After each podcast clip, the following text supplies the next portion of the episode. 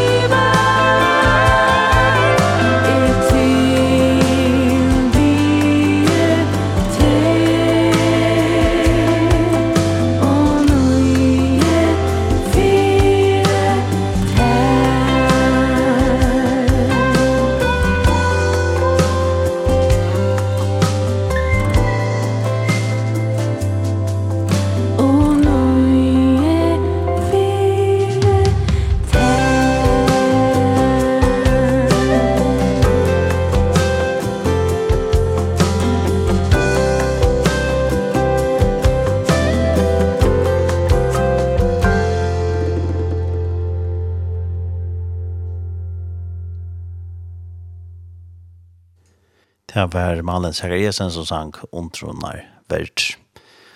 Og nu har vi ringt til Peter Hedelund. God, god morgen, Peter.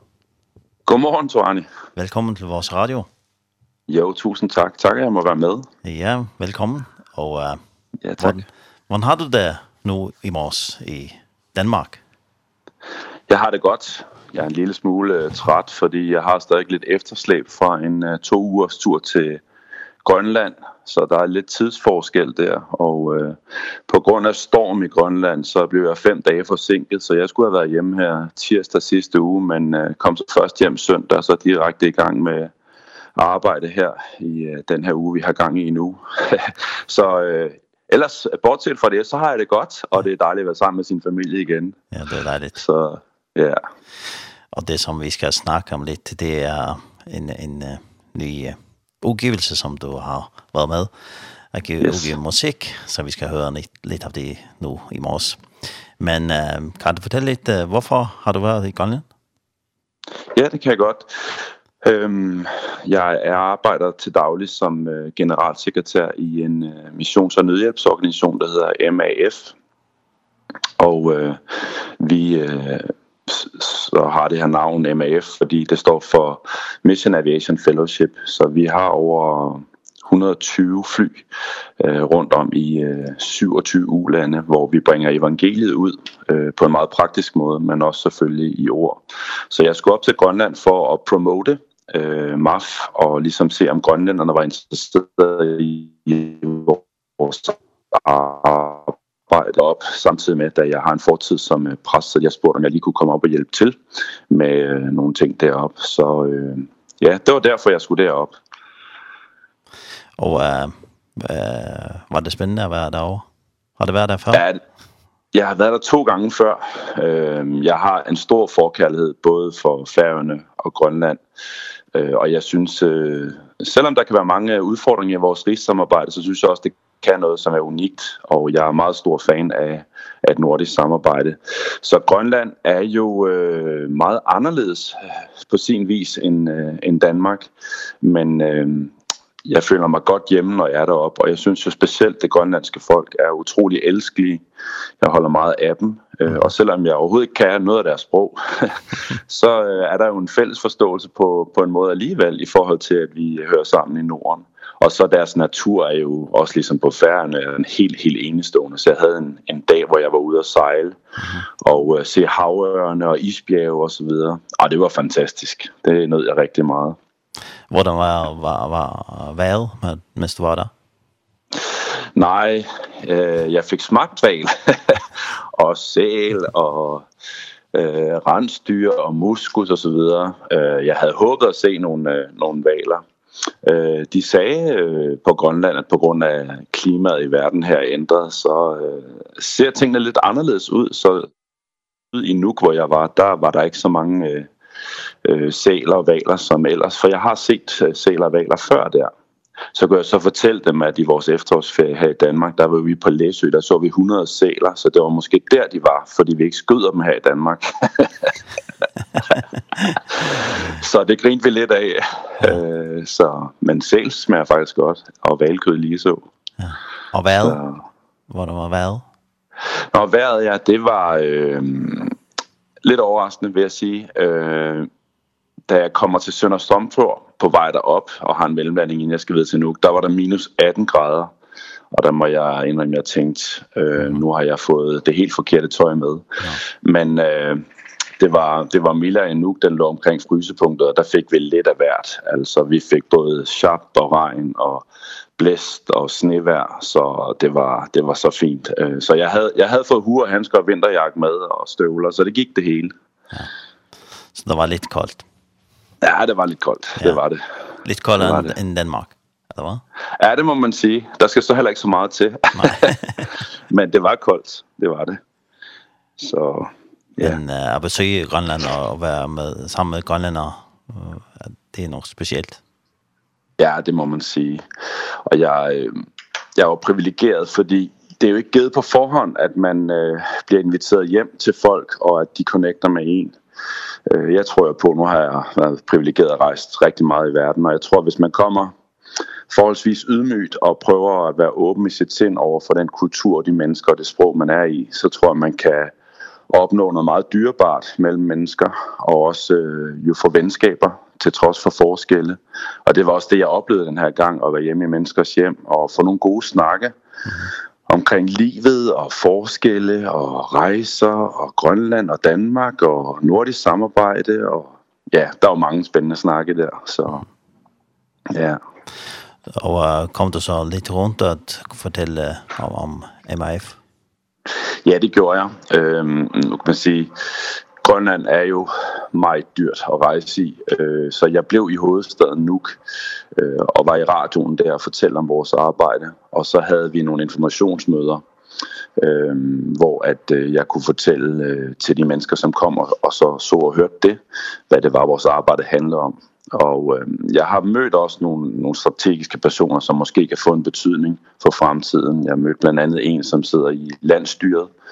Øh, så nu må vi se, hvad det bærer med sig. Men øh, man kan sige, vores hjertesag i MAF, det er meget de her isolerede mennesker rundt om i verdens afkrog, som måske ikke lige kan få den hjælp, som vi er vant til i vores del af verden. Og det kender de jo rigtig godt fra Grønland, øh, specielt fra Nordgrønland og Østgrønland, hvor de jo lever meget, meget isoleret. Og øh, man snakker jo om den største by over på østkysten. Det er jo en by med bare lidt over 2.000 mennesker. Det er ligesom hovedstaden derovre, så det er jo meget øh, mindre forhold, end hvad jeg i hvert fald er vant til her, hvor jeg kommer fra. Øh, så, så det var interessant. Ja, det må man sige. Og øh, ja, du har også været på færgerne nogle gange, og du kommer yeah. snart tilbage, eller hvad? Ja, det håber jeg. Planen er, at øh, jeg skal komme op øh, til færgerne næste år, Øhm, sidste år var jeg på Færøerne og det var dejligt at være tilbage. Eh det var i januar, og det var også liksom for at fortælle om vores øh, arbejde i MAF. Og øh, ja, men ud af det har vi jo startet MAF Færøerne op, øh, så vi har en Facebook, man kan gå ind og følge. Okay. Og øh, i øh, Skanserhuset inde i uh, Torshavn, der har vi uh, kontorplads også nu. Mm. Og vi har to fantastiske frivillige, Simon og Jakob, som uh, giver deres kræfter ind i, at vi får magt på dagsordenen. Ehm så det har, det har gået så vidt, så vi faktisk fik en donation fra Ministry of Foreign Affairs and Culture for Færøerne her hen over sommeren øh, på 800.000 til at bringe coronavacciner ud, så det er vi jo meget taknemmelige for, den støtte og opbakning. Ja, det er fantastisk. Ja, det er det. Ja. Det er det. Det er stort. Så hvis man vil ha mer information så, så kan man gå ind på der, den uh, Facebook-side og ellers på jeres hjemmeside.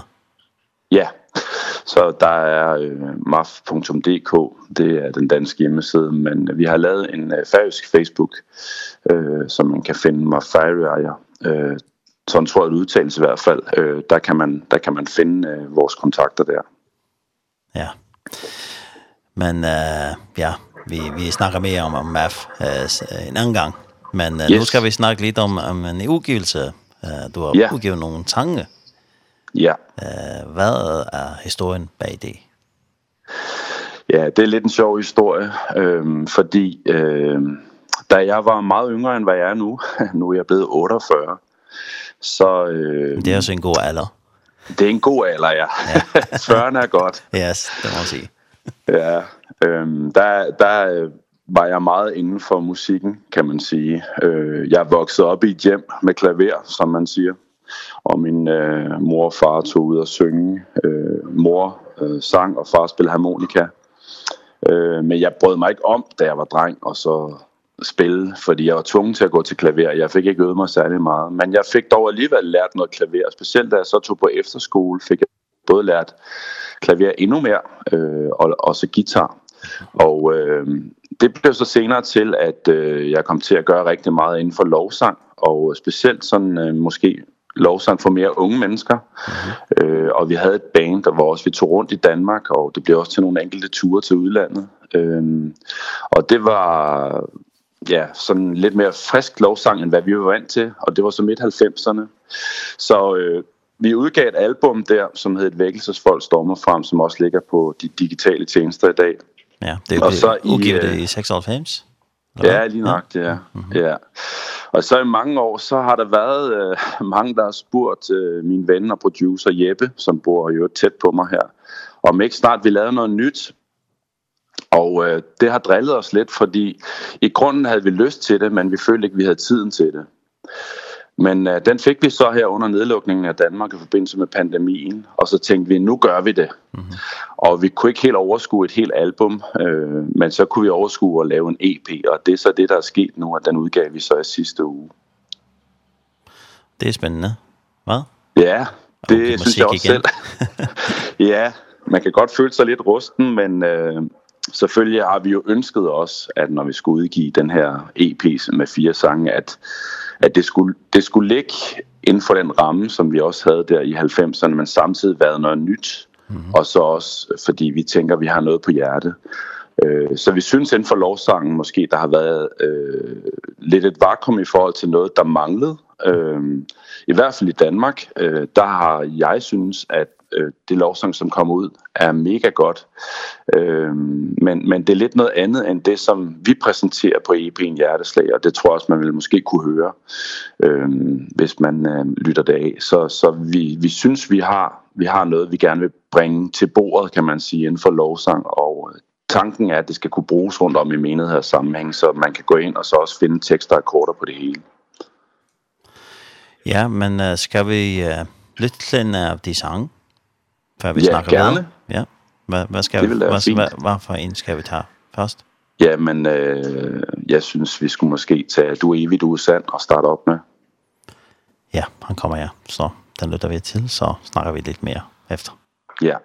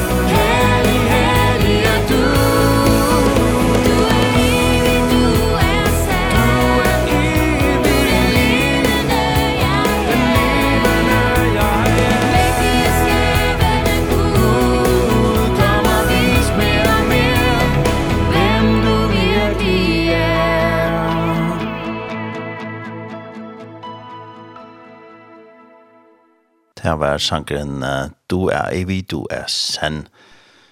Og vi, og vi har Peter Hellund uh, på linjen, og vi snakker om den nye udgivelse, som han er med. Og uh, Peter, ja, man kan sige, at uh, det er lidt uh, som uh, den musik, som du snakkede om, som vi gav udgav i 1996. Mm. Lidt forbindelse med det, eller Det var det, som I tænkte, som du sagde. Ja, lige nøjagtigt. Øh, dengang, dengang vi lavede albummet i 96, øh, der var der ikke ret meget øh, sådan lovsang for unge mennesker. Og det var vores hensigt at lave noget, som øh, måske havde lidt mere ung appel. Mhm. Mm og øh, det vil sige, men det tænker jeg, du ved, måske lidt mere rocket og lidt mere international lyd. Ja. Øhm, og måske knap så dybsindig, hvis man kan sige det sådan, men lidt mere ud over stepperne. øhm, så så ja. det det er det vi har forsøgt at at lægge os op af øh, i den nye udgivelse også der hedder Hjerteslag. Ehm og man kan sige meget af det lovsang som findes ehm også på den internationale scene øh, virker genkendeligt også synes vi selv i forhold til det musik som vi repræsenterer på Hjerteslag. Mm. Ehm ja. Og den sang som vi lige hørte, du er evig, du er sand. Ja. Hvad kan du sige om den sang? Jamen, det er ganske enkelt en lovprisning til Gud. Øhm, og et forsøg på at, at sige, hvem Gud er, øh, og at vi med vores liv tilskriver ham den ære, som han virkelig fortjener. Øh, og så er det også en, en, øh, en bøn om, at, at længes efter en til det, som er Guds hjerte for os. Jeg tænker jo mange gange, vi kan leve vores liv og have vores egen dagsorden for, hvordan vi gør. Ehm og og den sang, den starter liksom EP'en op og er en bøn om at komme tilbage til udgangspunktet der hvor vi mødte Gud og der hvor han jo altid ønsker faktisk at have os i hans nærvær mm -hmm. og i fællesskabet med ham. Så det er det meget den sang øh går på. Ehm ja. Og øh, hvem har skrevet disse sange? Jamen... Øh, er det dig selv? Det er faktisk ikke mig, der har skrevet sangene. Den her gang har jeg ikke leveret sangen, og det har meget at gøre med, at jeg simpelthen har haft så mange andre ting de her år. Øh, men Jeppe Lund, som er producer mm. og min gode ven, han er en helt formidabel sangskriver. Og han har leveret tre af sangene her. Øh, og den ene har han faktisk skrevet, det er den, der hedder Tage Chance, sammen med min søster, som også er en formidabel sangskriver. Og så har vi øh, en sang, øh, som er den tredje sang på albummet, der hedder Ære være dig. Det er en af mine tidligere kollegaer fra Euroclass og gode venner, Simon Tonsgaard, som er læge, der har lavet den. Mm. Og øh, den var ikke blevet udgivet, og så sagde jeg til Simon, Simon, skulle vi to ikke synge den i duet på et album? fordi den fortjener virkelig noget opmærksomhed. Og så sagde han, ja, lad os gøre det. Så det er blevet til en duet mellem Simon og jeg, mm -hmm. hvor vi giver den gas sammen øh, i ære hver dag. Så. Og øh, den, øh, den CD, som udgav i 1996, øh, hvad var det for slags sang? Var det sådan, som I, I også har lavet, eller? Jamen, det, det var... Øh, lovsange også dengang, øh, som, som var i meget den... Øh, måske lidt mere rocket stil. Øh, men også altså med med en dybde i form af at der var stærkt som tilbedelsesislet i sangene. Ehm så så på den øh, sag vi lavede dengang og det album, der leverede jeg halvdelen af sangene. Der var 10 sange på. Øh, så dengang var jeg meget mere i gang med sangskrivning end, end hvad jeg er i dag. Mm -hmm. øh, faktisk så, så spiller jeg ikke nær så meget, som jeg har gjort. Man har en drøm om at komme til det. Det er lidt som om livet har taget en. Jeg har haft forskellige lederjobs. Jeg har rejst utrolig meget i mission. Jeg har fire børn, øh, og vi er meget aktive både i forhold til øh, vores håndboldklub her i byen og øh, børnenes skoler og vores hjem er en banegård. Så det der med at fokusere meget ind på musikken øh, og skrive sange og fordybe sig, det håber jeg at få mere tid til, nu jeg står her midt i livet. Fordi det, det vil jeg gerne. Ja. Uh, hvilken slags instrument spiller du? Jeg spiller både guitar og klaver. Og øh, faktisk i går så fandt jeg min guitar frem igen, fordi øh, lige på søndag, der skal jeg have lidt en udfordrende opgave og lede lovsang over i en kirke i Middelfart, fordi en af mine venner, han øh, er lovsangsleder der. Men han skulle til en øh, fødselsdag på Sjælland, Så han sagde, kan du ikke lige redde mig her, Peter? Så jeg har fundet gitaren frem igen, så det er måske meget godt. ja, så kommer I det gamle sko igen. Ja, præcis, præcis. Ja. Og det er jo sådan lidt øh, som den her gamle cirkushest. Så snart som man kan dufte savsmulden igen, så, så sker der jo et eller andet i en. Jeg tror jo på, at, at de evner, vi er blevet givet af Gud en gang, dem, dem kan vi ikke helt løbe fra. Øh, vi skal måske lige puste dem af og finde dem frem igen, men de vil altid være der. Øh, ja. Og uh, det, det med at uh, spille klaver og guitar, uh, hvornår bygget du uh, gør det? Hvor gammel var du? Jamen, øh, klaver, det var meget, meget tidligt, øh, hvor jeg gik til klaver ved Frøken Kildegård, så der har jeg været altså i folkeskolealderen Øh, og jeg kan huske som en lille dreng og skulle øh, gå hen til frøken Kildegård. Og jeg havde altid så dårlig samvittighed, når jeg skulle derhen, fordi jeg vidste, at jeg havde ikke lige forøget det, jeg skulle. ja. Men øh, hun var et meget elskværdigt menneske. Hun var organist også i Folkekirken, og... Øh, der kom faktisk mange store personligheder også ved hende og øvede klaver og guitar. Blandt andet Kim Larsen var en af dem, og Dirk Passer havde hun haft som elever. Mm -hmm.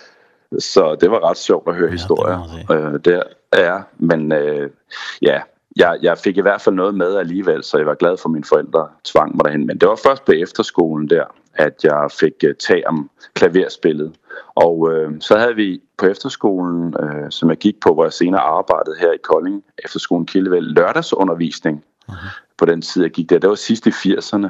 Og øh, der var der min matematiklærer Jan. Han havde lørdagsundervisning, hvor man kunne lære at spille guitar. Og så tænkte jeg, det prøver jeg. Og så, øh, så fik jeg mod på det og begyndte så at øve selv. Øh, men jeg havde aldrig troet øh, med min ringe indsats på guitar og klaver, da jeg var da jeg var barn og ung, at det skulle blive til senere udgivelse af musik, men det, det har også kun lykkes ved gode venners øh, hjælp, vil jeg sige. Mm -hmm. Så ja. Det er fantastisk. Uh, og uh, gennem årene, når du har lavet sang, uh, hvad har inspireret dig? Jamen, jeg, jeg øh, bliver meget inspireret af, øh, når det handler om, hvem Gud siger, han er. Øh, jeg har... Øh, jeg har lidt en anke mod, når det kommer til at handle for meget om os selv, og udgangspunktet bliver os selv. Mm-hmm. Øh, jeg tror, vi er nødt til at finde tilbage til udgangspunktet, øh, hvem Gud han er, og hvad han har gjort for os. Øh, og det inspirerer mig rigtig meget. Men, men det, der, også meget en inspiration for mig, det er Guds natur. Og det er måske derfor, jeg er særlig er vild med Færøerne og Grønland, fordi øh, den der rå og barske natur, som I jo har, den har vi jo slet ikke på samme måde i Danmark, vi har noget andet. Den fascinerer mig, og den taler rigtig meget til mig omkring Guds storhed, og også om, øh, om Guds omsorg faktisk for skaberværket.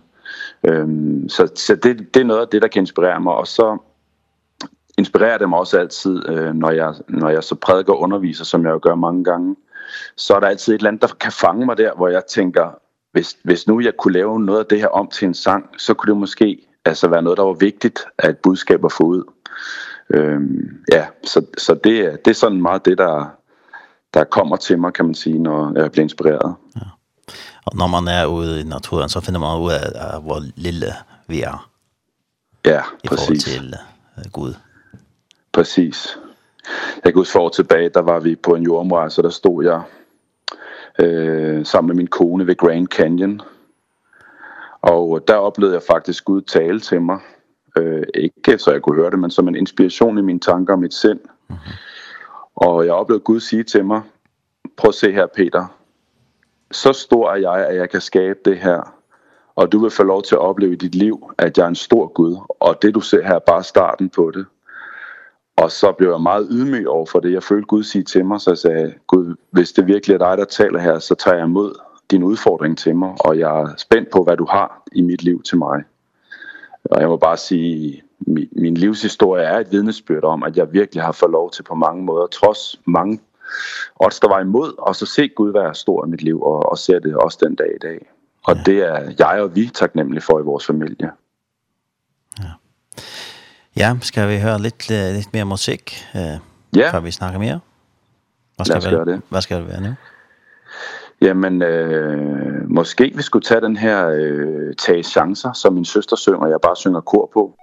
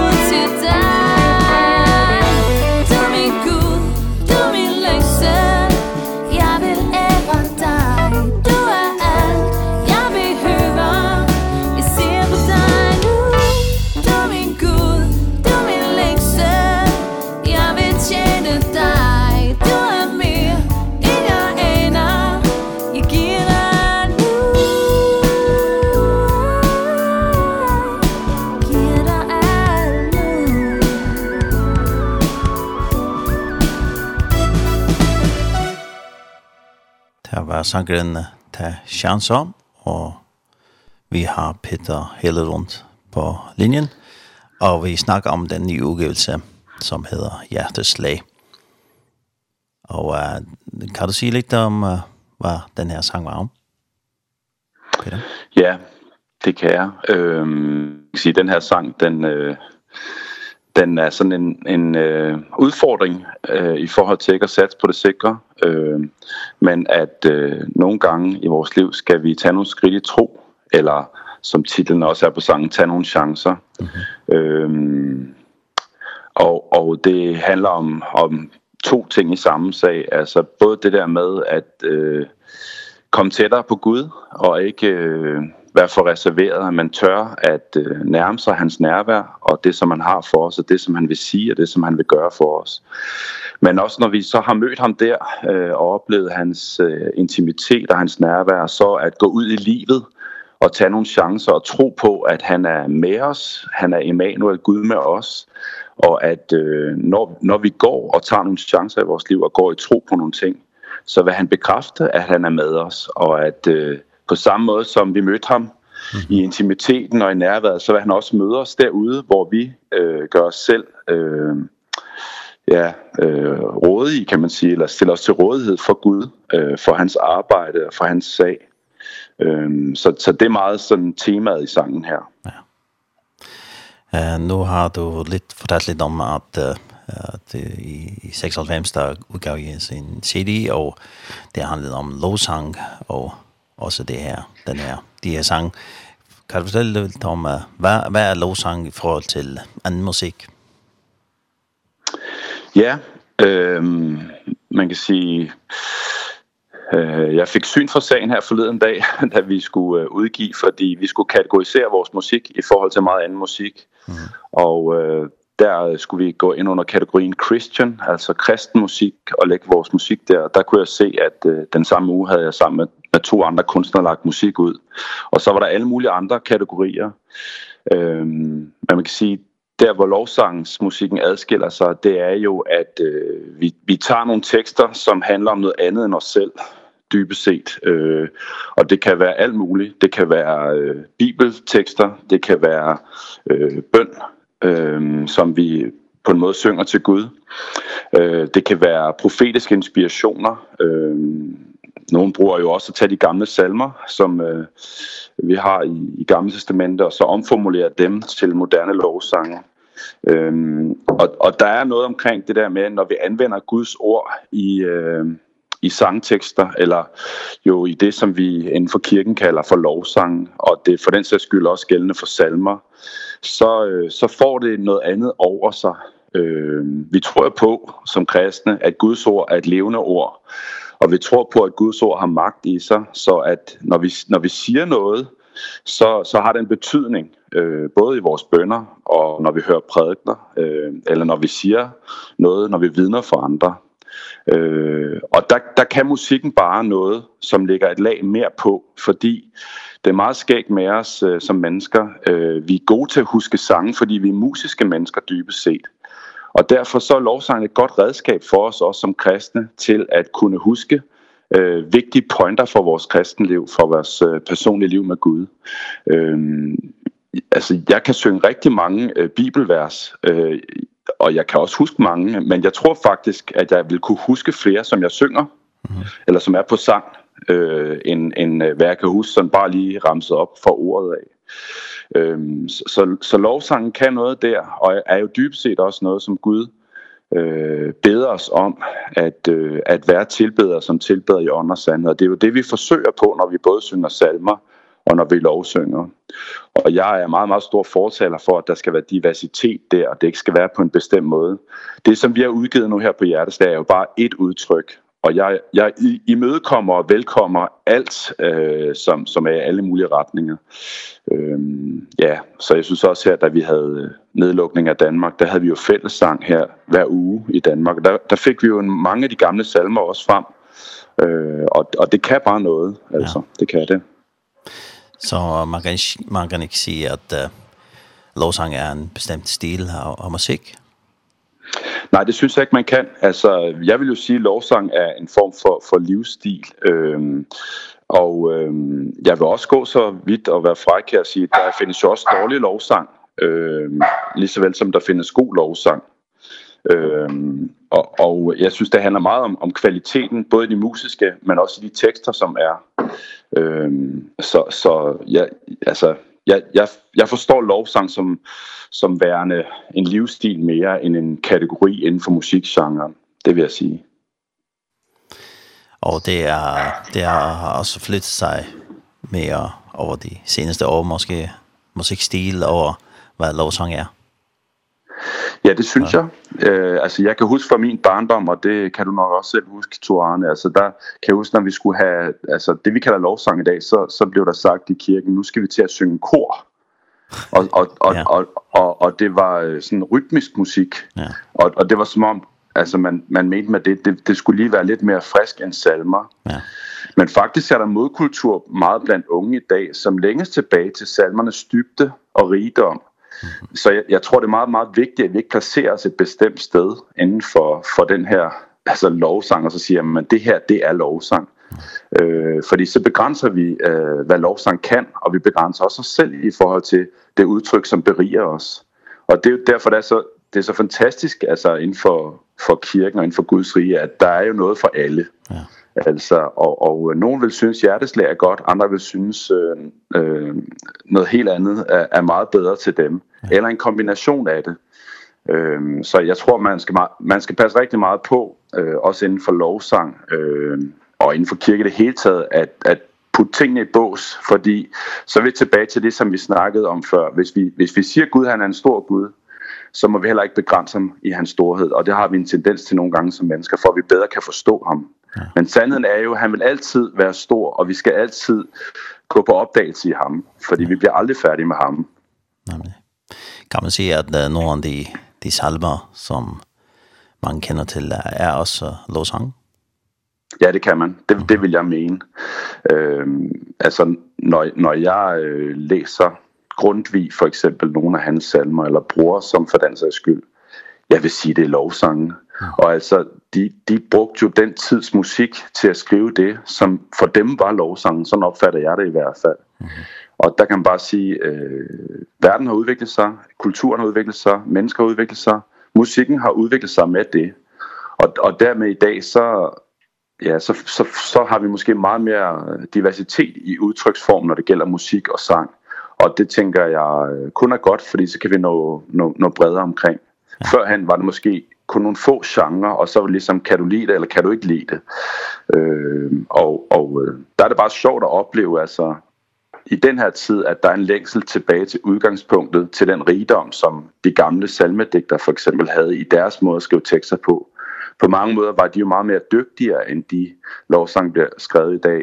Jeg, jeg vil sige, der der er, der er langt mellem de rigtig gode lovsange som vi altså øh, tager med os øh, 100 år frem. Det det det er kun ganske få der vil der vil synge som 100 år tror jeg alt det bliver givet ud i dag.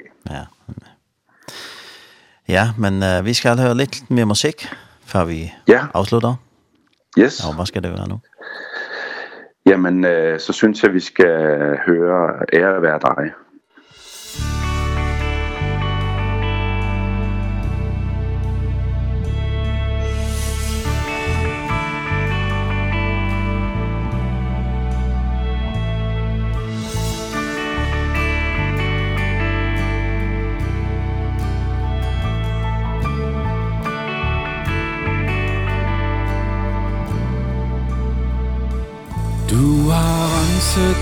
sjæl Herren vær lovet Du har brudt søndens skæld. Du har købt mig til frihed Vær et lys for min fod. Så jeg ærer din vilje I det kors hvor du stod. Lad mig mærke dit hjerte. Du har sagt i dit ord Du min styrke og tryghed. Du har sagt i dit ord. Du vil mig aldrig forlade Selvom stormen er stor. Så hos dig er der hvile. Ære være dig. Du har renset min sjæl. Herren syndens gæld Ja, du har købt mig til frihed. Er et lys for min fod. Så jeg ærer din vilje I det kors, hvor du stod. Lad mig mærke dit hjerte. Du har sagt i dit ord At du min styrke og tryghed. Du har sagt i dit ord Vi må aldrig forlade Selvom stormen er stor. Det er så hos dig jeg der hvile Ære.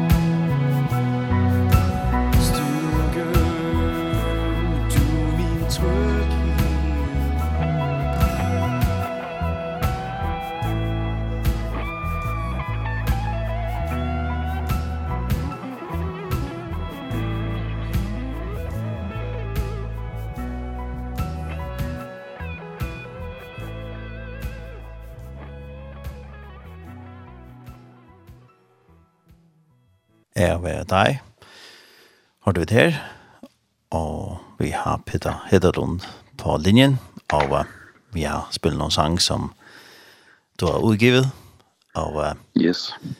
hvordan kan man uh, forfatte de sang, hvordan, hvor kan man høre de sang?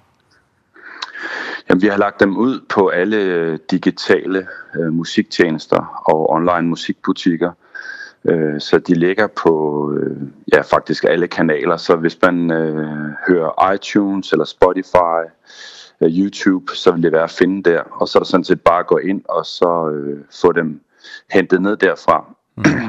øh, på Grønland, der spurgte de om også den var på CD. okay. Ja. Øh, Og det det det har vi ikke endnu. Eh øh, man kan sige verden har jo også ændret sig der, øh, så det det hele er digitalt. Mm. Så det er der man skal ind og hente. Eh øh, ja. Och vad den men nu du säger att du gav musik i 1996 der udgav man det på CD, og man skulle sælge det i butikker og sådan noget. Og det koster ja. lidt at udgive sådan noget musik. Hvordan gør I? Ja, ja altså øh, dengang, der øh, husker jeg det som om, det kostede omkring 50.000 at udgive sådan en, en CD, og vi havde faktisk også kassettebånd, så vi er virkelig langt tilbage her. ja, det må jeg sige. og... Øh, Øh, faktisk så har vi opgjort, hvor mange øh, CD'er vi har tilbage. Det er, det er omkring øh, 10 stykker, vi har tilbage, øh, så, så vi er ved at have udsolgt, så det er meget interessant. Men det er klart, altså en udgivelse koster altid noget. Øh, men vi har haft på hjerte, Jeppe og jeg, at, at øh, give det her som en slags gave også til... Øh, ja, man kan sige Guds rige. Ehm og og øh, selvfølgelig er der nogle udgifter forbundet med det, men øh, vi har ikke været ude og, og fundraise på det her og sagt, at der nogen, der vil støtte os eller noget. Vi, vi har selv ligesom sagt, det her, det tror vi på. Mm. Og så tror vi også på, at øh, det skal Gud nok velsigne, og øh, at vi nok skal, vi skal nok klare os. Ehm så så øh, ja, det... Øh, Alle lige også billigere at lave musik i dag, hvis ellers man har udstyret til det. Og øh, det har min gode ven Jeppe, så han har hjemmestudie og så videre. Ehm så det er ikke så kostbart. Dengang i 90'erne, der skulle vi jo booke et studie, og øh, øh det det løb bare op med timer for og koste noget der, så så det der kunne man godt se hele tiden uh, taxameteret køre. Det er lidt noget andet i dag. Så ja. Så en både alle disse digitale då. Så, så kan man höra jazzmusik. Og så man skal bara skriva hjärteslag eller vad skal man skriva? Peter ja. Hedderlund? ja, Peter Hedlund og så Hjerteslag, så kommer EP'en frem, og der er fire numre. Øh, om, om vi kommer til at lave mere, det må fremtiden vise. Øh, indtil videre har vi kørt på dansk, men der er også mange, der spørger, kan I ikke lave noget internationalt også snart? Så jeg vil sige, det er næsten den bedste måde, man kan støtte os, det er, at øh, hvis man ellers kan lide musikken, så få den downloadet, og måske også bare dele øh, musikken med sit netværk, så man synes, det her, det, det giver mig noget. Så kan man jo øh, fortælle andre om det. Ja. Øh, ja, Bliver det også lagt på YouTube og sådan noget? Ja. Øh, tanken er, at vi skal have lavet en øh, lyrikvideo. Mm. Altså, YouTube-kanalen ligger det på nu. Der kan man godt finde den, men det er bare cover, man kan se af musikken, der kører. Mm. Øh, men men øh, vi kunne godt tænke os netop, når vi snakker om Guds natur. Øh, så min søn han har et lille projekt her i øjeblikket øh, med at øh, få lavet noget god film fra Danmarks naturen her, og så få lavet noget ly lyrikvideo. Øh, så håber vi, at det kan komme ud og så inspirere, så der bliver noget visuelt også at kigge på samtidig med, at man hører sangene. Mm. Det er spændende. Ja, det er det. Ja, og uh, nu til sidst, har du måske en hilsen til færingen nu? Har vi slået dig? Jamen, det har jeg. Øhm, jeg, jeg har tænkt rigtig meget over her øh, på det sidste øh, bjergprædiken, og også øh, talt og undervist ud fra den, gjort også i Grønland. Og der er noget, der har fanget mig på ny, efter vi havde vores efterårsferie på Læsø. Der øh, er Læsø jo kendt for, via den specielle natur, at være et godt sted at producere salt. Så Læsø salt er noget med eksklusiv, man kan få af salt i Danmark. Mm -hmm. øh, og øh, på grund af naturen derovre, så får man øh, en saltaflejring i øh, de brønde, som vi laver derovre på helt op mellem 12 og 14 procent. Og det kan man så udvinde salt af og lave en business ud af det. Og så kommer jeg jo rigtig til at tænke på det her med, når Jesus han siger i bjergeprædiken, at I er jordens salt og verdens lys. Øh, bare det her lille, at Jesus siger, I er jordens salt. Fordi vi får ofte hørt det forkert, og det har jeg bare lyst til at sige også i dag, måske som en hilsen til øh, jer dejlige færinger, at øh, vi hører, I skal blive jordens salt, eller I, I har været jordens salt. Mm -hmm. Jesus han siger, I er jordens salt. Så det er altså en del af vores identitet, at det er det, vi er. Og det kan vi føle os langt væk fra. Det kan vi føle, at øh, jamen, det er der slet ikke. Der var en gang, hvor at jeg var det, eller jeg tænker, i fremtiden kan jeg blive det. Men når vi har taget imod Jesus i vores liv som vores personlige frelser, når vi har et liv med Gud, så per definition i forhold til det, Jesus siger i bjergprædiken, så er vi jordens salt. Og så kan det godt være, at saltet har mistet sin kraft, øh, og det kan godt være, at vi kan blive mere kraftfulde i forhold til Guds liv osv. Men vi er jordens salt, og det, jeg synes bare, det er så opmuntrende, at vi kan tage imod det. At jamen, det er det, jeg er, lige så vel som vi kan tage imod, at vi er frelste eller vi er Jesu vidner, så er vi jordens salt. Og øh, det synes jeg gør det ved mig, øh, i hvert fald i mit eget liv, at jeg har lyst til at komme tættere på Gud og finde ud af, hvordan kan jeg være det på den øh, rigtig gode måde i mit liv, og hvordan kan det få et udtryk her i min hverdag, der hvor jeg nu er. Så det har jeg bare lyst til at opmuntre med, fordi når vi har Gud, så har vi alt. Og så er det så øh, sprængfarligt, at det kan forandre vores egen liv og mennesker omkring os. Så det er bare lyst til at opmuntre enhver, der lytter med her til at tage det ind i sit eget liv, og ikke at tænke, jeg var jordens salt, og jeg skal blive jordens salt. Jeg mm -hmm. er jordens salt i dag. Ja. Jamen, det er nogle fantastiske vers. Ja, det er det. Ja, en god opmuntring nu i, i morges. Det er det. Det er jeg glad for. Ja, men uh, så vil jeg sige tusind tak, Peter Hederlund, for at jeg kunne ringe til dig. Og, og... Tak, at jeg måtte være med. Ja, velbekomme. Det var dejligt og, og god velsignelse over dig og den her udgivelse og det musik. Tusind tak.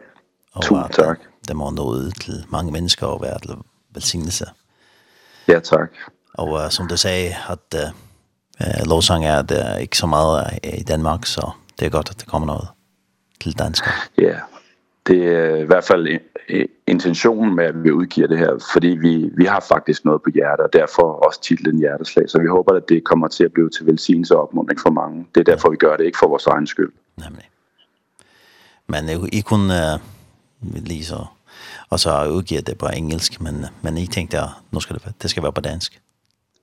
Ja, vi har lyst til at lave noget på dansk, fordi der er jo meget på engelsk. Mm. Øhm, men men øh, der skal ikke så meget til før, at nogle af sangene kunne vi godt lave på engelsk, så det har vi en overvejelse omkring, øh, om, vi, om vi skal gøre det for at åbne markedet lidt mere op.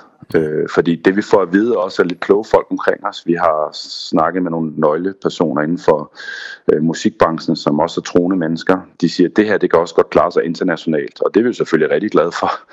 Øh, så det kunne godt være, at man skulle give det et skud og se, hvor langt kan vi tage det. Måske et samarbejde med, med et eller andet pladeselskab eller noget. Det må vi se på. Nemlig. Nå til sist, hvilken sang skal vi høre? Det, det, det, det er den sidste, var?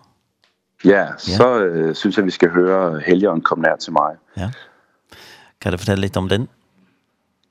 Ja, det er en bøn, øh, og det er deraf, vi har taget øh, titlen øh, til udgivelsen øh, Hjerteslag.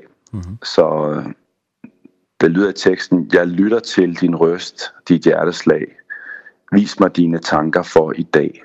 Og måske det i virkeligheden også kunne, kunne være sådan en bøn, vi kunne tage med os her på den her torsdag. Mm -hmm. At vi kan få lov til at lytte til Guds hjerteslag, øh, for han har så meget godt for os, og han elsker os uden grænser. Mm -hmm. Og øh, at vi... Øh, ja, kan få lov til at se ham også vise hans planer for os for dagen i dag og dagen i morgen og fremtiden.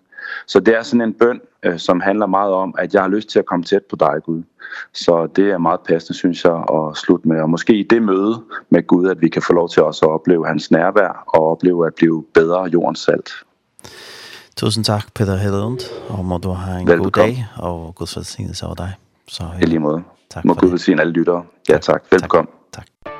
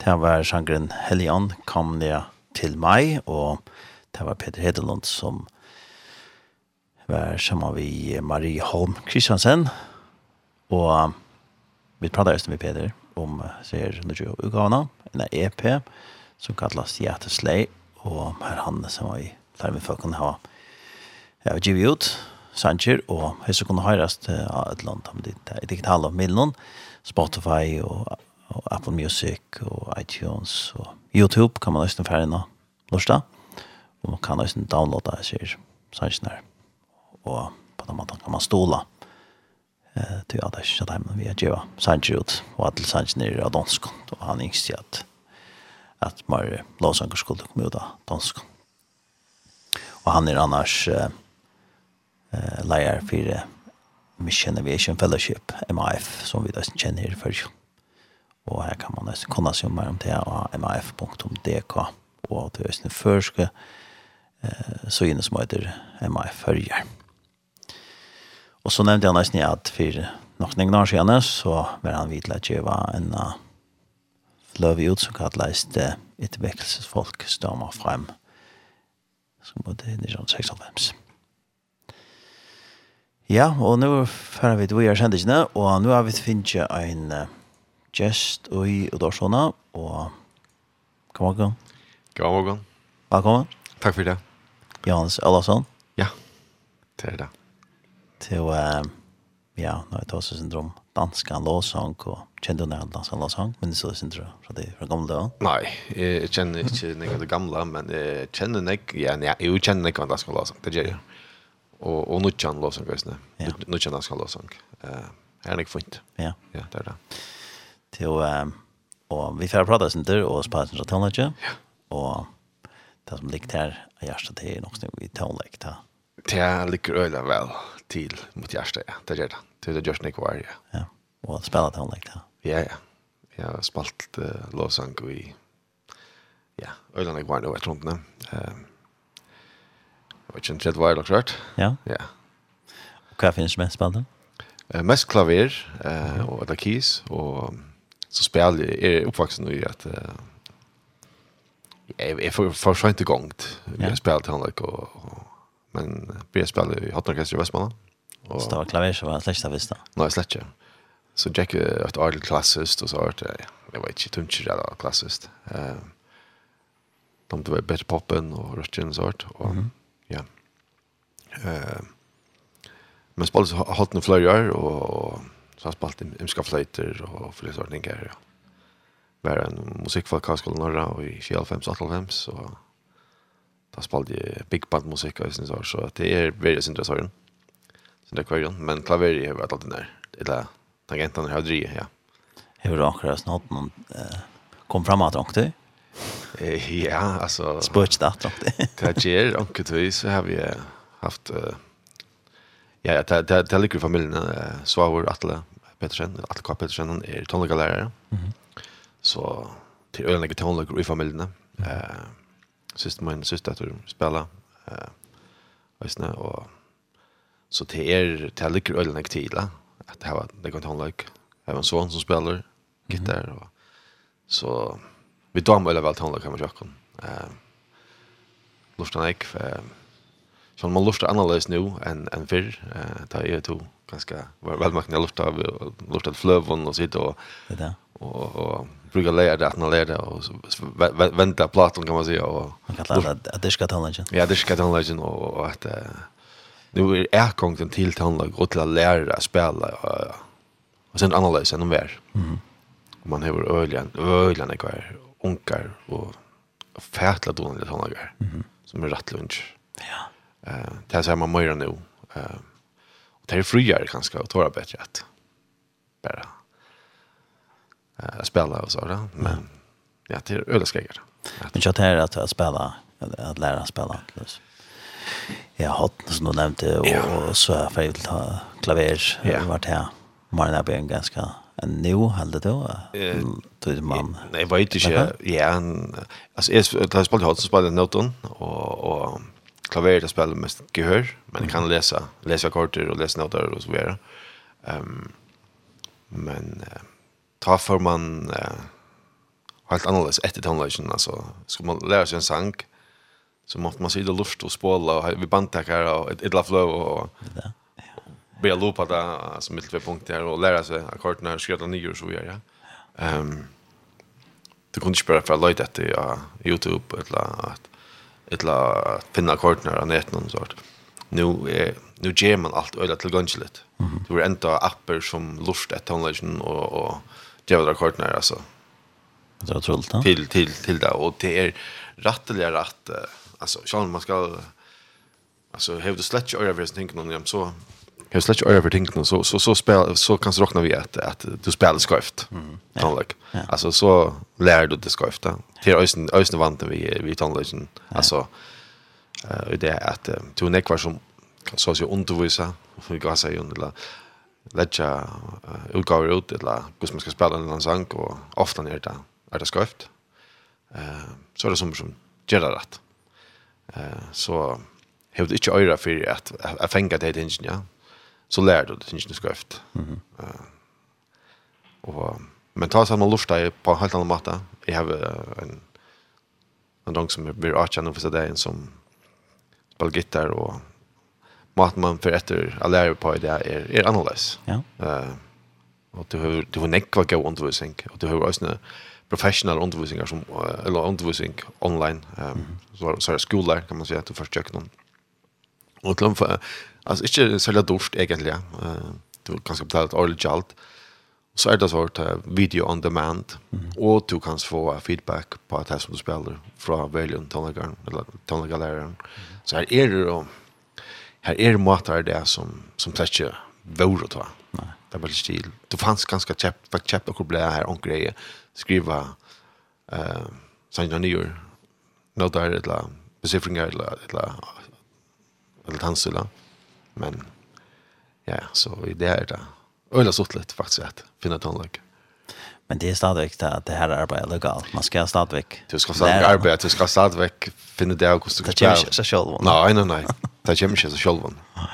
Men du har videoer som viser hvordan du skal spille, kanskje klaver, eller du skal spille gitar, hvordan du skal teka kortene, hvordan du skal spille det, det riffene, og så videre.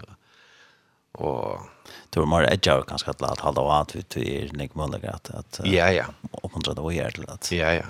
bli bättre ja? Mhm. Och i förrun hemma så en ögon musikskola eh som eh eh har fastran i Kanamgar eh som som som är ösn öle gott eh.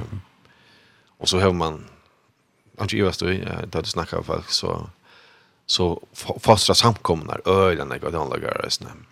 Eh här att från här som det rum för för den lösen här här blev att han några fossa i Europa. Eh så få ett forum att låta spela. Ja, och ta visst på några mått att är det gott så tillträcks det. Ösn är det. Tonlagar.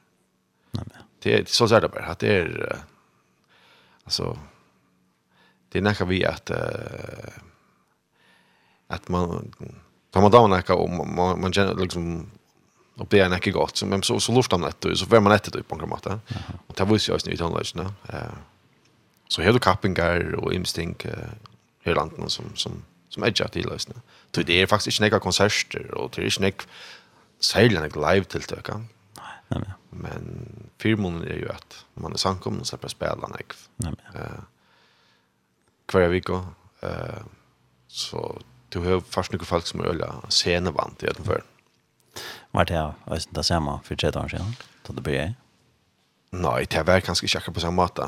Uh, jeg vil si, altså, uh, det har forbedret seg, kan man ja, si, ja. tonløkker. Ja. Men det är att bara spela och kanske spela så här vi gör något sånt. Nei, det er ikke inte lika mycket. Man kanske gör mer vitt då. Ja, ja. Ta Ta var jo sånn nek orkester som spalt og bare dans og til konserter og til alt det forskjellige. Um, jeg slapp så spalt i hotorkester og så heier man til tiltak som man spalt i live og, og det er jo noe helt annet enn å spille med en poporkester kan man si. Ja? Ja. Uh, men um, uh, ja, jeg kom så til havnar og altså jo jo, vi var tvær, altså så han han har ju som som kort in i Östra spelar väl Lisa Fredriksberg och och så vidare ja. Nej kvar sen ja. Ja. Och det har talat att kanske skulle mer framför eller till framför. Det var mer till framförsler och så vidare. Ehm och i det har man det kanske blir lite här att att man också kunde sitt church här som igen här har man eh nekvant håndlag och moderna håndlag så att det är man får ölen att vi täcka här faktiskt till att spela. Ja. Och spelar vi ordla gå inte. Mm. Eh uh, så och ungon hålla. Eh uh, som är då man kan bli på pjäs så är det. det Men det är stort lite. Du där vill säga att hon här vi snackar allt alltså. Nej, det var universalt. Det är universalt ja. och och det är nog stort lite att uh, ankrim att det blev vi alltså så lunch är klar att spela så att man blev vi spela så det är ehm um, Och lunch det tog med det vi. Ja, som tid lunch det tog med vi så så så så gemma det. Vi ser inte så så man bara finner på granna. Det kan det det är ingen skandal alltså då är det. Nej, så att det så tar några grann för ja. Ja.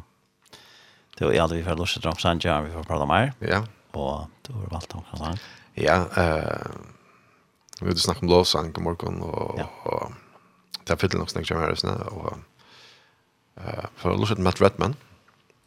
Og det er et eller annet som er the same Jesus. Ja? Nei, det var ikke han. Men vi praise you. We praise you, var det. Yes. Det er som og flow. Så so yeah. vi klarer vi praise you. Ja, vi får det. Hinn kommer 17.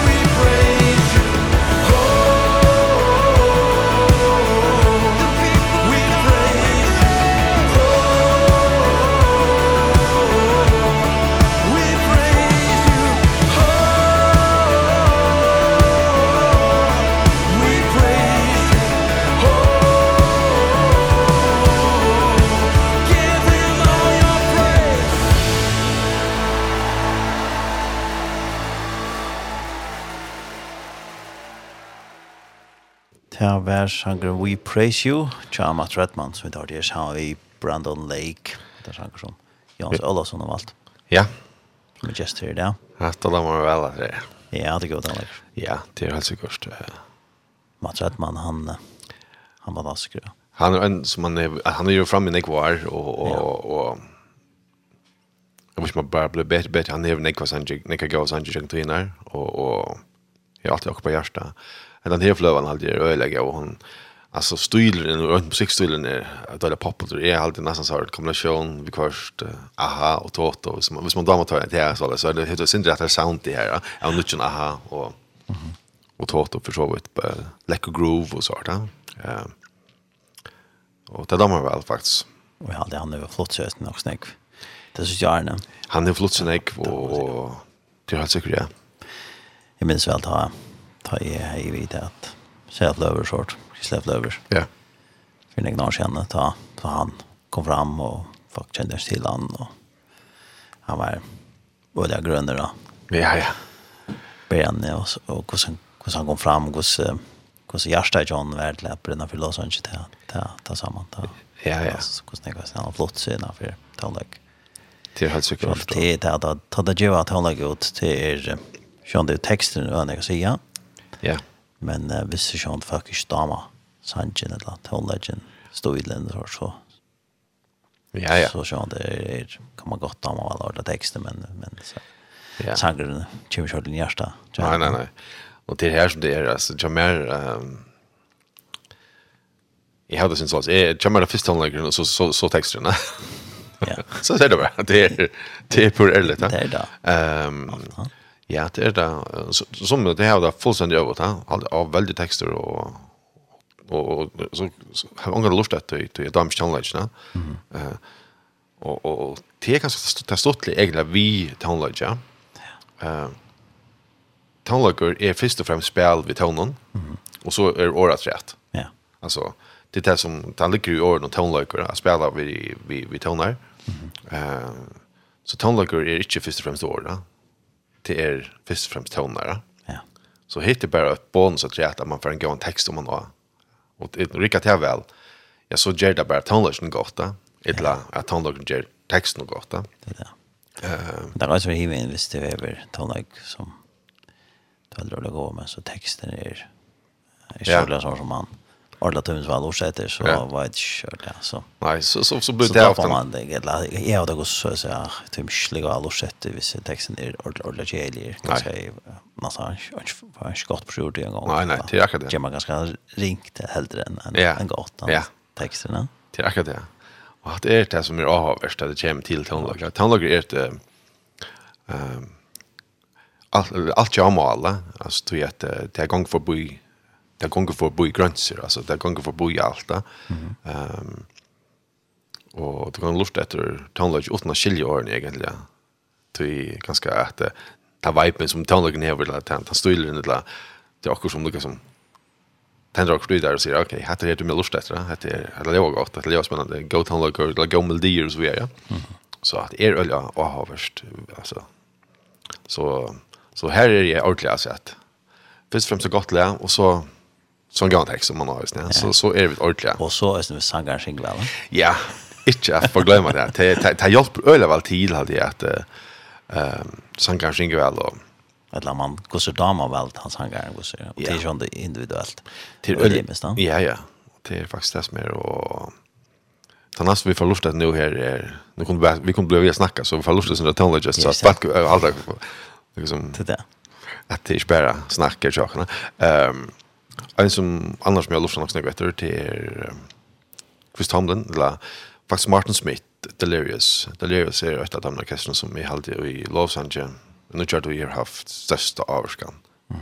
Ehm öl öl större avskan vi sin tonlage vi sin någon texton och vi sin någon melodi och stil faktiskt. Där kommer vi sin några mer rockton mer ravon mer fashion och Jag började vi var bara där så det är perfekt alltså det här var så det rått och så läsa. Men jävla. Mhm. Mm Go Sanchez så gör det. Eh han skrev vem den här som vi Chris Tomlin den den nästa som mm the God's Great Dance Floor hade det från när Ross som med Passion. Eh här där spaltar ner den. Och hvis man tror man får lägga att på Youtube så är det öra stort för hit efter. Fantastisk konsert och fantastiskt tilltakt där här och det är snär God's Great Dance Floor. Gerald. Ja, vi får høre.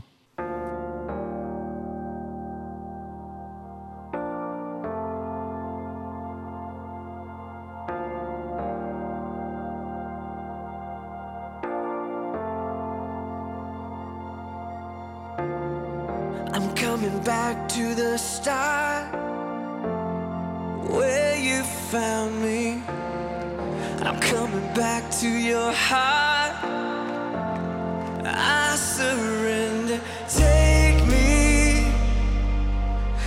is all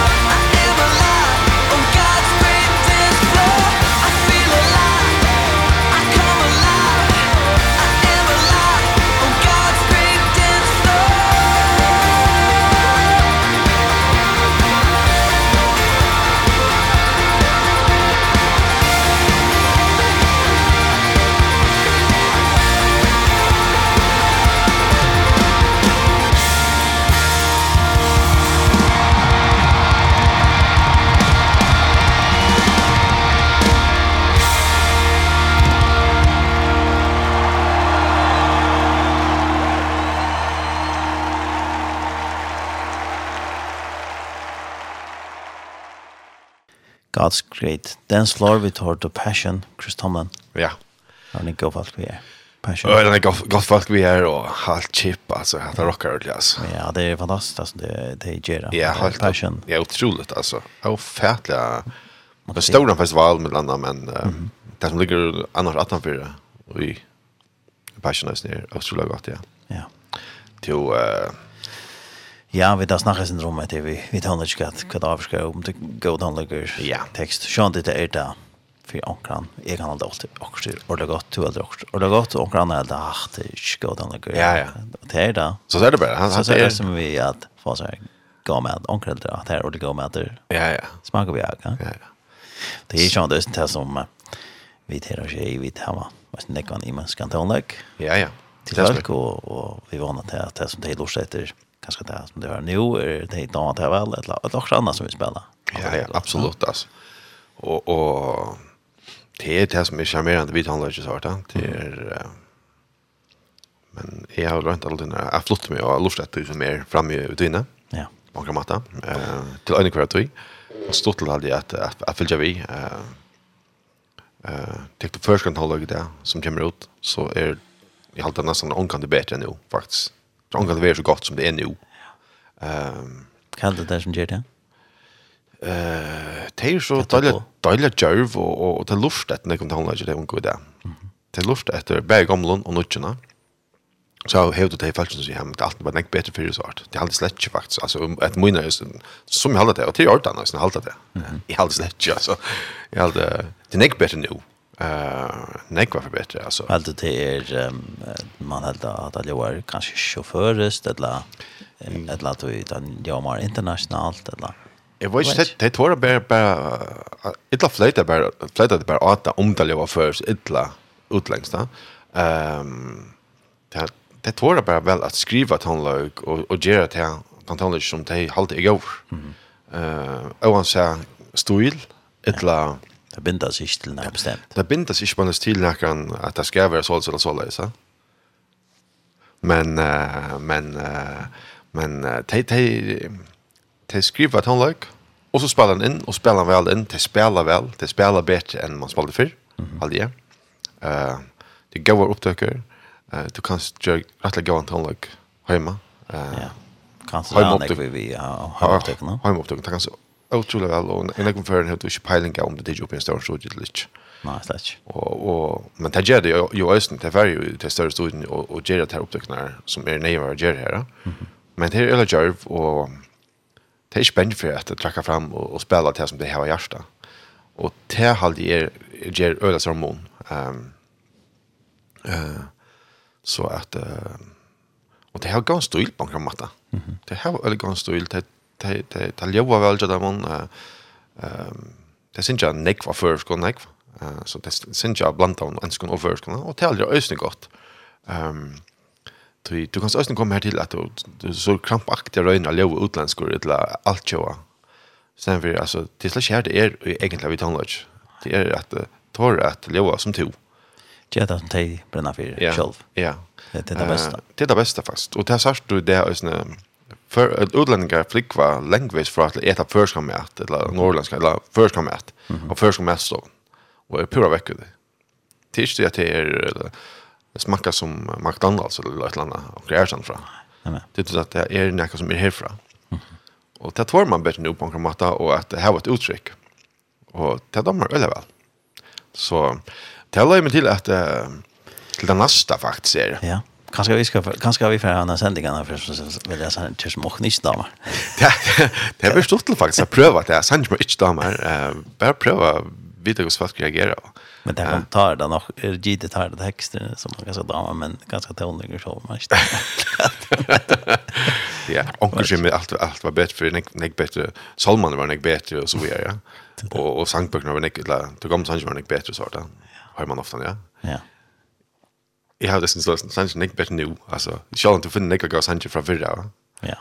Det finner finner jag också exempel från förra, men det finner också något gott nu och det finner också exempel nu jag då kan man säga.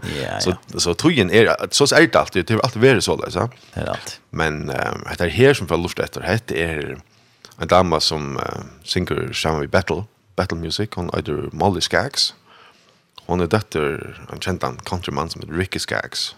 Och man hörde väl att den här damen, hon är vuxen upp i country. Ordentlig, ja. Totalt, alltså här är inte snack om. Enda Grave hette er på en måte gammalt lä. Ja. Så vet jag hade John Cash över i där och så gör jag akkurat för öje där har vi inte vi ute efter och hukt ordentligt väl. Rust Huff, vad var det snä? Ja, ja. Det är det är ju en sanger som en ändrinspelning kan man säga. Och hade är även en flövo charm tja battle liksom är ofärtligt och allt han som heter victory. Ja.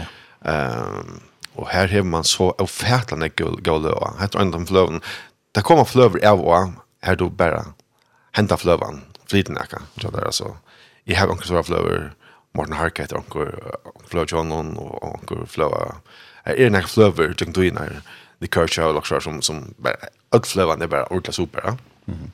Ehm Hetta er ein som flava og heter hela er heter ain't no grave og hetta er hetta er fan worship flava. Så til ølla stort at man ger worship henta vein. Ehm country lit, mega country lit faktisk altså.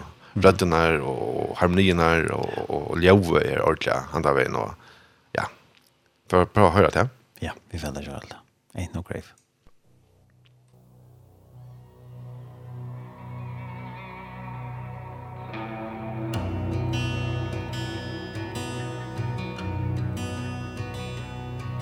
Oh shame is a prison.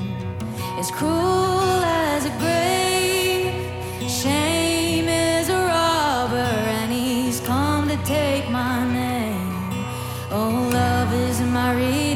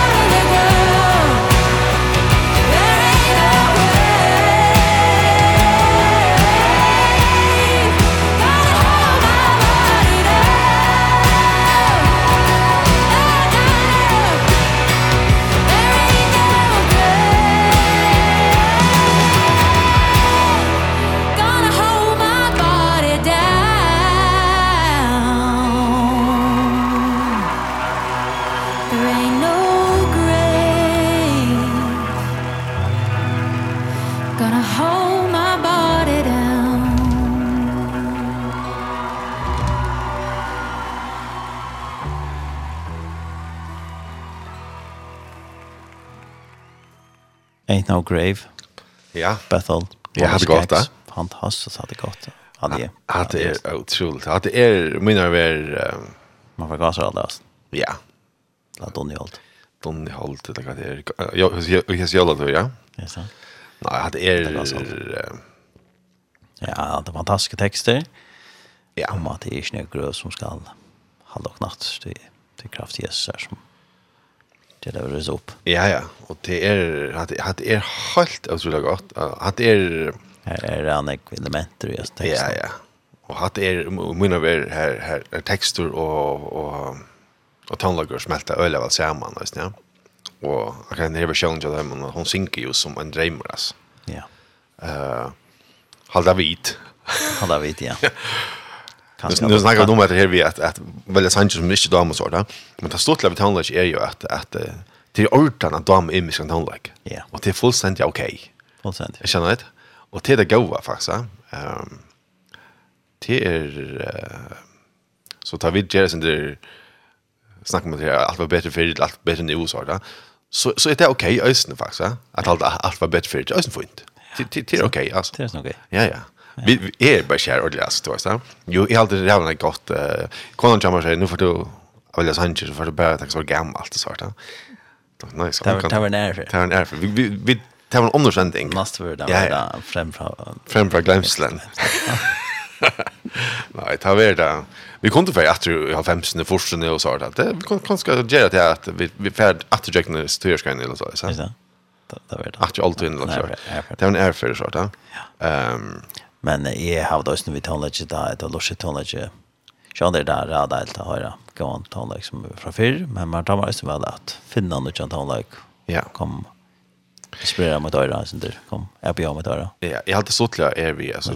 Ta man så høy bøtene, sånn, og, og, og ta man spiller sammen med feltet som er negfinger til, som du kommer på på et, så det er så fart og sendt en playlist til Spotify, lort til helsen, så, så kommer ting fram som er omkatt drömt om svart. Ja. Och det så sände jag till, till sån jammer så säger han, "Vad var det om det här?" Så kus är vad man det alltså. Hallå, det fyllde vi alltså. Man kör gammal helt där. Ehm så jag har redan stått till en en säger nu. Eh är en ungdomssändning blir här tjej. Ja. Hon är Anna Korslea kvällt. Ja. Hon är så 18 lea kvällt och så sätter där studion på en säger sen. Har du stått där sitter och sånt ta tar valde när han själv og så finnes det också låtsänker så sier han å, ja det så til at höra noen annan ton som jag hade hørt før? Ja. Akkurat som det var sjänger som han kan ha valt. Mhm. Og så ja, det visste ikke at det var det gott på den måten. Ja ja. Spotify så här så funkar här tar anbefaller tandläkaren utifrån algoritmer som lustar efter för kan efter vad du lustar efter och så kommer det uppskott om vad du kanske annars kunde lusta efter. Och det är nog stort lösen faktiskt. Ja. Där kommer man det framåt ting som man inte visste om faktiskt. Ja. Och, og det blir ringt lite efter han lite Fyrta för den en platthandel och short och så stod allt där att se det där så så blev det bara jökna där i nacken chant och till först alfabetiskt bara jökna allt det där. Och så kom du kan det kom så kort. White Heart eller Short eller ja ja du var just och det var han tog innan. Och i det du allt Ta gång du kanske en gång glorset i arn, du måste bättre chans. Du tar tar chansen, ja. Du, du kunde inte vara Youtube eller detta, eller vet vad det var. Alltså, det är nära sen. Det är helt smöjligt att glorset i stan. Nej. Det behöver inte. Så, så att... Vana där heter det rörda gott. Ja, ja. Kanske jag tror att du som du läser om det, ja, ja. att de alla ganska ädla. Ja. Det som ständer eh visst var känd musikal och short. Ja ja. Det går producera. Ja ja, och man visste att okej, okay, den hoffspel vi här lagt på gitarr så här hade förvärvat bra lust. Lock och short, eh ett onkel anbefaller ju så ja. Ehm en annan artist som jag lustar också något efter hade som är ofattlig år och som han fick oss inte av avköring. Det var diskuterade en om Sancho Jones som ett reckless love om man kan säga det. Så vidare han lukkar mykje hva han heldur om han er litje, så han finnes ikke øyla virkjenning og mittlen sangskrivar. Mm eh och till han som heter Corey Asbury. Och nu tar ju corona alla över så så förde upp attacker i ja, hade var Los Angeles och, och simpelthen körde en annan flow eller upptäckte som rooftop sessions. Och hon finns alltså nu på YouTube, men så kommer lösna Spotify. Mm. Och här skriver han en sång som heter Dear God.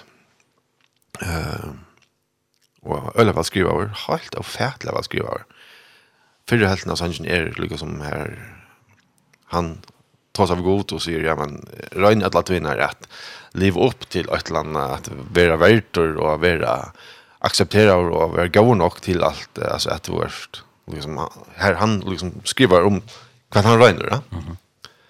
och så svär god atter faktiskt ja? att uh, han skriver där um, i sangen att uh, du kan finna det fram mer. Mm -hmm. Uh, dear God, I've been trying awful hard to make you proud of me, yeah? but it seems the harder I try, the harder it becomes, and I feel like giving up most of the time.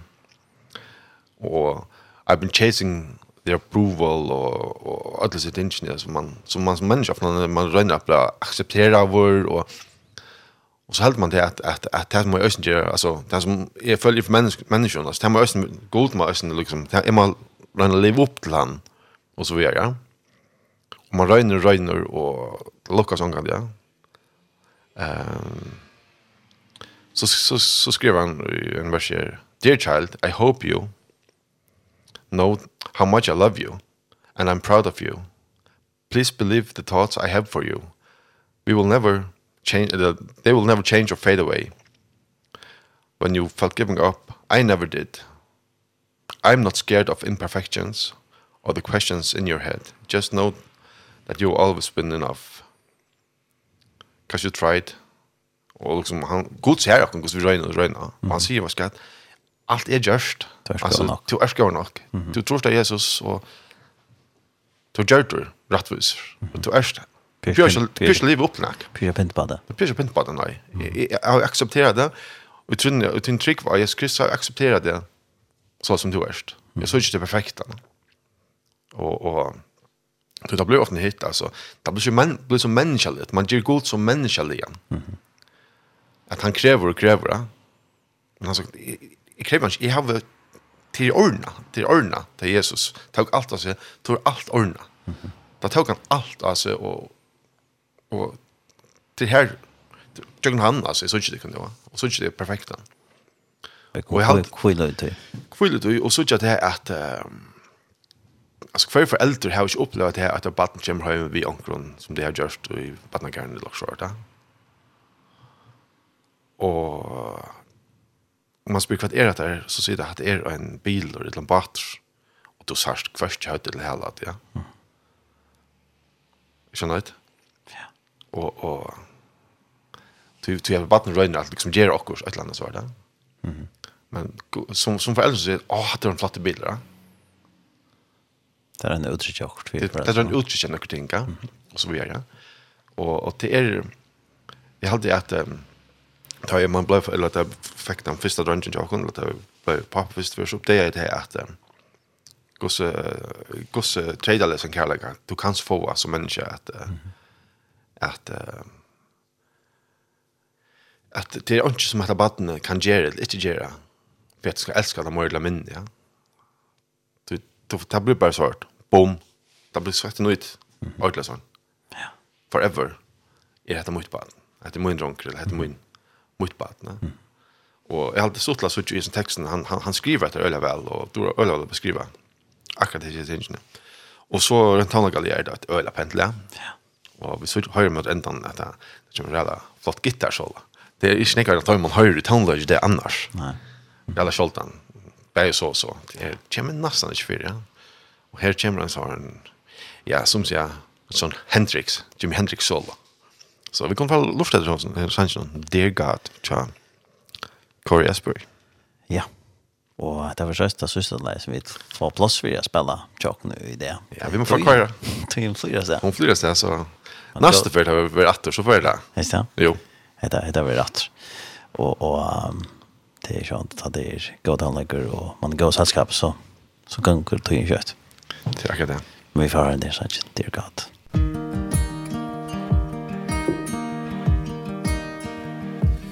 Dear God I've been trying awful hard to make you proud of me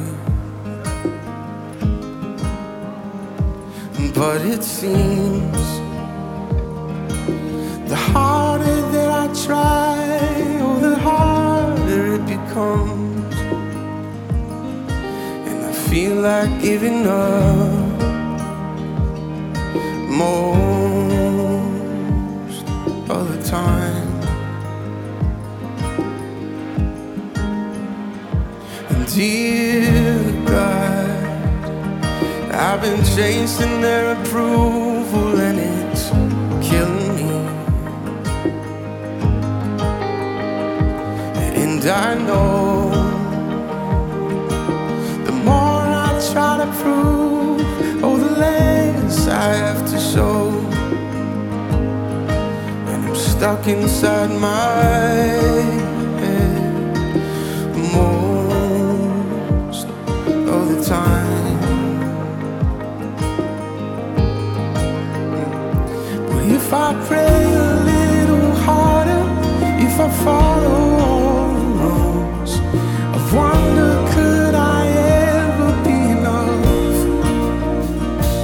Cause I try and try Just to fall back down again. And I ask myself why Do I try to chase the wind? I should lean into a mystery. Maybe hope is found in a melody. So I wanna try again.